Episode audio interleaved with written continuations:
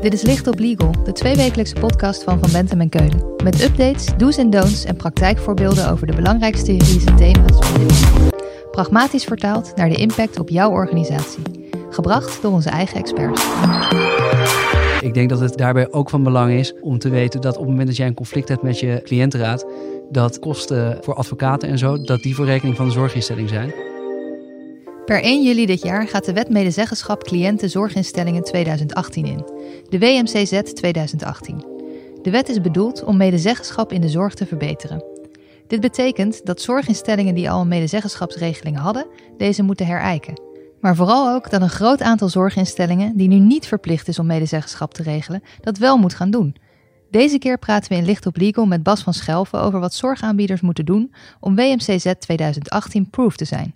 Hij stelt zich even voor. Dankjewel, Bas van Schelven, advocaat in het zorgteam bij Van Bentem en Keulen. Bas houdt zich al meer dan acht jaar bezig met samenwerkingen en conflicten in de zorg en publiceert regelmatig over gezondheidsrecht. Hij adviseert zorginstellingen zowel op juridisch als bestuurlijk vlak, onder meer over medezeggenschap. Bas, medezeggenschap in de zorg moet dus per 1 juli beter ingebed worden in zorgorganisaties. Om te beginnen, voor wie gaat dit gelden? Ja, onder de nieuwe WMCZ wordt dat eigenlijk verplicht voor zo'n beetje alle zorgaanbieders. En dat komt omdat de wetgever aanhaakt bij het instellingsbegrip uit de wet kwaliteit, klachten en geschillen zorg. En dat betekent dat uh, eigenlijk alle zorgaanbieders, behalve diegenen die alleen maar WMO-zorg aanbieden, uh, eronder vallen. De wet is namelijk ook één op één van toepassing voor jeugdhulpaanbieders. Wel uh, relevant is nog de vraag met hoeveel personeel je de zorg aanbiedt. Voor de meeste zorgaanbieders geldt er een drempel van 10.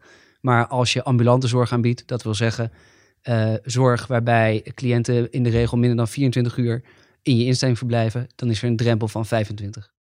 Je zegt voor alle zorgaanbieders. Dus dat betekent dat het niet alleen meer geldt voor klassieke zorginstellingen die door publiek geld betaald worden, zoals ziekenhuizen, maar bijvoorbeeld ook voor privéklinieken. Dat klopt. Uh, de, het is losgelaten dat het alleen maar voor uh, collectief bekostigde instellingen is. Want de wetgever vindt cliëntmedezeggenschap is belangrijk voor alle cliënten. Dus bijvoorbeeld ook die bij de uh, cosmetische kliniek. Maar bijvoorbeeld nieuw is het ook voor tandartsinstellingen. Als er meer dan 25 per, zorgpersoneel is. Dat is inclusief de tandartsassistent. Maar bijvoorbeeld ook voor medisch specialistische bedrijven. En dat zijn de bedrijven waarin de vrijgevestigde medisch specialisten hun zorg aanbieden. Eigenlijk gaat het dus zo'n beetje voor alle zorginstellingen gelden. Maar wat betekent dit voor die organisaties? Ja, dat zal ik hem eerst even pakken voor de instellingen die op dit moment nog geen cliëntenraad hebben. Die zullen dus een cliëntenraad moeten instellen. En dat betekent dat er een medezeggenschapsregeling moet komen. En die medezeggenschapsregeling valt uit één in tweeën. Eén, het instellingsbesluit. En twee, uh, de samenwerkingsovereenkomst. Het instellingsbesluit gaat bijvoorbeeld over wie zitten er in die uh, cliëntenraad en uh, hoe lang zitten ze daarin. De samenwerkingsovereenkomst gaat echt over de vraag hoe wordt deze cliëntenraad betrokken bij bepaalde besluiten en wanneer geven ze daar input op, welke termijnen gelden. Zo'n medezeggenschapsregeling die moet worden afgestemd met um, de cliëntenraad zelf. En vervolgens, als je die op papier hebt, moet daar ook de instemming van de cliëntenraad zijn. Als je nog geen medezeggenschapsregeling hebt, moet je die dus gaan opstellen. En daar moet je cliëntenraad dan mee instemmen. Maar die heb je toch nog helemaal niet? Hoe moet dat dan? Daarvan zegt de wet, uh, geeft de wet eigenlijk twee mogelijkheden. Die zegt ofwel je pakt een representatieve delegatie van je cliënten, ofwel je pakt een organisatie die representatief is voor je cliënten. Nou, en als ik dan even praktisch nadenk, dan zou je kunnen denken, uh, die representatieve delegatie, dat kan bijvoorbeeld zijn als je als instelling al een beetje op de lens hebt, wie worden de eerste leden van de cliëntenraad. Dat je daarmee het overleg voert over dit wil ik in mijn medezeggenschapsregeling uh, opschrijven. En vervolgens ook dus de instemming daaraan vraagt. Als je dat nou nog niet uh, echt in de smies hebt, dan zou je bijvoorbeeld eens met de Landelijke Patiëntenfederatie kunnen schakelen.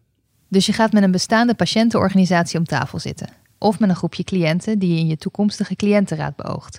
Maar hoe werkt dit praktisch allemaal? Hoe vul ik zo'n nieuwe cliëntenraad? Ja, belangrijk om te weten is dat het uh, geen resultaatsverplichting is om een cliëntenraad in te stellen, maar een zogeheten inspanningsverplichting. En dat wil zeggen, als jij als zorginstelling er alles aan hebt gedaan om die cliëntenraad te vullen, maar het blijkt gewoon dat er onvoldoende animo is onder jouw cliënten, dan zal de inspectie voor de gezondheidszorg jou daarvoor niet op de vingers stikken. daarvoor moet je wel echt kunnen aantonen dat je bijvoorbeeld een visie hebt op de uh, uh, cliëntmedezeggenschap en vacatures openbaar hebt gemaakt. Nou, en bijvoorbeeld dat openbaar maken van vacatures kan je je voorstellen door in de wachtkamer uh, dat op te hangen. Een bordje met van, nou, wij zijn voornemens een cliëntenraad op te tuigen. wie, zich daarvoor, wie daar interesse voor heeft, die kan zich op dit en dit e-mailadres, op dit, dit, deze website aanmelden. Zo simpel is het dus. Gewoon flyeren. En het is een inspanningsverplichting. Dus als niemand zich aanmeldt en je hebt je best gedaan, dan ben je er vanaf. Dat klopt.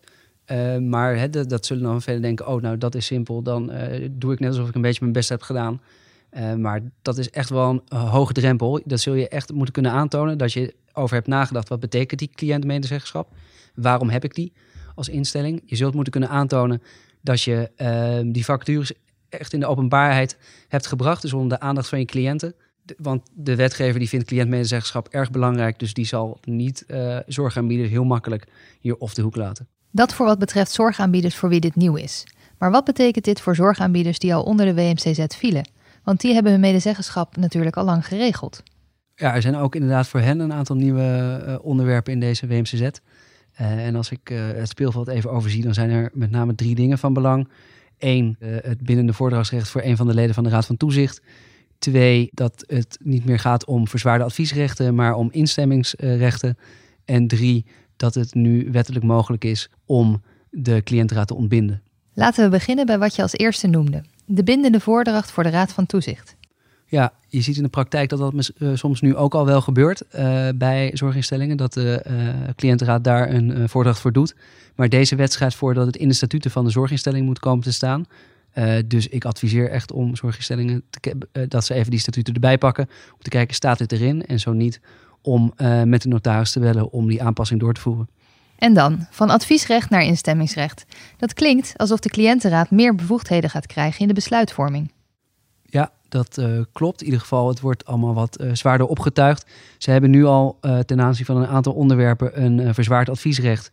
En dat betekent dat over die onderwerpen, als zij daar negatief adviseren, dan mag het bestuur nog steeds wel gemotiveerd afwijken van het advies. En als ze dat doen en de cliëntenraad kan zich daar nog steeds niet in vinden, dan kunnen zij naar de commissie voor vertrouwenslieden. Dat is de rechter die hierover gaat. Um, en in de, deze nieuwe wet is er geen sprake meer van een verzwaard adviesrecht ten opzichte van die onderwerpen, maar een instemmingsrecht. En dat betekent dat de rollen eigenlijk worden omgekeerd. Uh, namelijk de raad van bestuur zal dan naar die cliëntenraad gaan met het verzoek om instemming op een bepaald besluit. En als die um, cliëntenraad dan zegt, hier stemmen we niet mee in, dan zal vervolgens het bestuur de stap naar de commissie voor vertrouwenslieden moeten maken om te vragen om uh, vervangende toestemming. En die commissie zal die toestemming alleen maar geven als ofwel uh, de cliëntenraad op onredelijke gronden de instemming heeft onthouden, ofwel als uh, de commissie vindt dat dit besluit van zo zwaarwegend belang is voor de instelling dat het alsnog moet worden genomen. En dan moet je denken aan belangen van bedrijfseconomische aard of van bedrijfsorganisatorische aard bijvoorbeeld. Maar als cliëntenraden mogen meebeslissen, dan zorgt dat toch voor enorm veel vertraging in je bedrijfsvoering? Uh, dat klopt. Het is wel zo dat zorginstellingen uh, en bijna alle zorginstellingen nu het er gewoon mee moeten doen dat ze een cliëntenraad hebben. Je bent uh, op elkaar aangewezen. daar ga je niet meer onderuit komen. Dus ik adviseer ook aan zorginstellingen: investeer in een goede relatie met die cliëntenraad. Maak dat ze zich gehoord en gezien voelen. En dat ze zich als een professionele gesprekspartner zien. Dan zullen ze zich, naar mijn ervaring, ook zo gaan gedragen. Maar zo'n cliëntenraad heeft toch helemaal geen kennis en ervaring om over de day-to-day business mee te beslissen? Ja, je ziet in de praktijk dat het niveau van cliëntenraden nog wel eens wil verschillen. Dat is, dat is juist. Uh, dat heeft de wetgever ook gezien. En daarom bouwt zij, uh, is nu in deze wet ingebouwd dat de uh, zorgorganisatie geld beschikbaar moet stellen voor de scholing van die cliëntenraden. Tegelijkertijd is het ook zo, en dat is een opdracht die de wetgever ook wel voor de cliëntenraad weggelegd ziet. Op het moment dat een cliëntenraad denkt: dit is te ingewikkeld voor mij. Dan zijn er eigenlijk twee uh, opties die een volwassen cliëntenraad zou, zou kunnen bewandelen. Eén, zeg van nou, dit is te ingewikkeld, maar wij vertrouwen erop bestuurder dat jij het goede doet. Dat zal waarschijnlijk alleen maar gebeuren als die relatie tussen je cliëntenraad goed is. Uh, dus ook daarvoor is het van belang. Twee, die cliëntenraad kan ook externe hulp inroepen om zich daarover te laten adviseren. Overigens is die rekening, als ze dat doen, voor de zorginstelling. Zo'n cliëntenraad zorgt dus ook nog voor een enorme kostenpost. Dat klopt. Ja, het is eigenlijk hetzelfde als bij ondernemingsraad. De kosten zijn voor de uh, zorginstelling. Um, en het is wel mogelijk om uh, voorafgaand aan het jaar een budget vast te stellen, waaruit de cliëntenraad, waarmee de cliëntenraad het dan moet doen. Maar dat budget moet wel zodanig zijn samengesteld dat de cliëntenraad redelijkerwijs zijn taak op een goede manier kan uitoefenen. Des te meer reden om de cliëntenraad te vriend te houden. Maar als je ze toch niet te vriend houdt, dan kun je ze dus gewoon de laan uitsturen. Ja, zo simpel ligt dat niet. Het klopt dat uh, de nieuwe WMCZ uh, een grondslag biedt om de cliëntenraad te ontbinden, anders dan de huidige wet. Daar zie je wel in de rechtspraak dat het kan. Uh, maar nu biedt de wet echt zekerheid over hoe en onder welke omstandigheden. Dat is namelijk op het moment dat een cliëntenraad structureel dysfunctioneert. En dat is dus niet zo. Jij hebt het over, je hebt een conflict met je cliëntenraad, dan kun je toch ze ontbinden.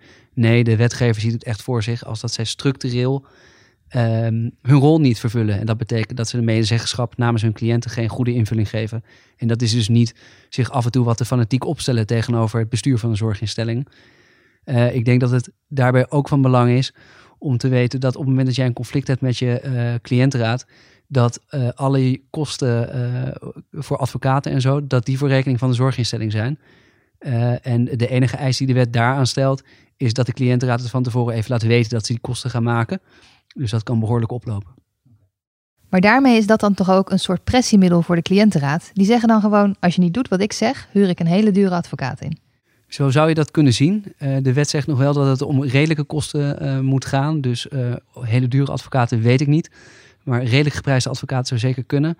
Interessant is, is dat het in de parlementaire geschiedenis van de wet inderdaad iets uh, nou, politiek correcter wordt opgeschreven. Dat het inderdaad niet de bedoeling is dat er heel veel advocaten bij worden gehaald. En dat betekent dus ook dat uh, de wetgever het zo voor zich ziet dat uh, het bij voorkeur allemaal in de minne wordt opgelost.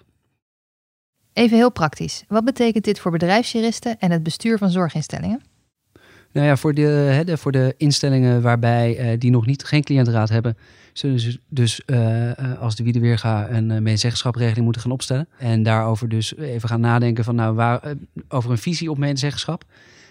maar ook van waar zit nou die representatieve delegatie van cliënten met wie ik het gesprek over me op te stellen, medezeggenschap-regeling aan kan gaan. En die vervolgens ook um, de toestemming of de instemming moet geven voor die regeling. Um, daarnaast zullen ook de statuten moeten worden aangepast op dat bindend voordragsrecht. Hetzelfde geldt eigenlijk voor de secretarisraad van bestuur of de bedrijfsjuristen van instellingen die nu wel een cliëntenraad hebben.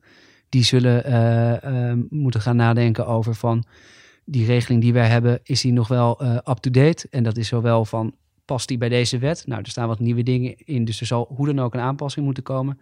Maar mijn idee zou zijn dat dit ook een goed moment is om niet alleen maar na te denken over de need-to-haves, maar ook de nice-to-haves. Dus hoe is het nou gegaan? de afgelopen periode en wat kunnen we daarvan leren? En hoe moeten die leermomenten worden vertaald naar de medezeggenschapsregeling?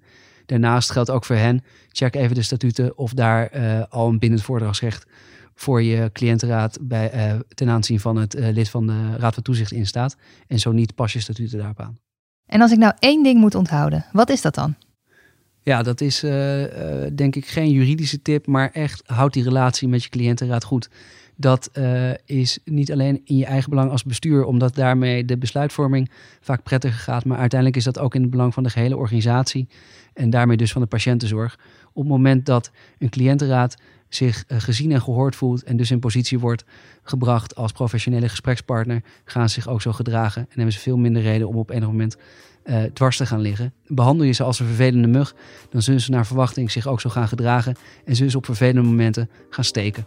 Bas, dankjewel. Als we meer willen weten over de WMCZ 2018, waar moeten we dan zijn? Uh, je kunt mij daarover mailen op basvanschelven.vbk.nl. Daar kun je ook uh, contact met me op, op, opnemen om deel te nemen aan ons online seminar dat we op 4 juni over dit onderwerp geven. En uh, je kan natuurlijk ook altijd bellen en mijn telefoonnummer staat op de website. Dit was Licht op Legal, een podcast van Van Bentem en Keulen te beluisteren via Spotify, Apple Podcasts of je eigen favoriete podcast-app. Wil je meer weten? Heb je suggesties voor een onderwerp? Of wil je dat onze experts hun licht laten schijnen op jouw juridisch vraagstuk? Laat het ons weten via vbk.nl/slash lichtoplegal.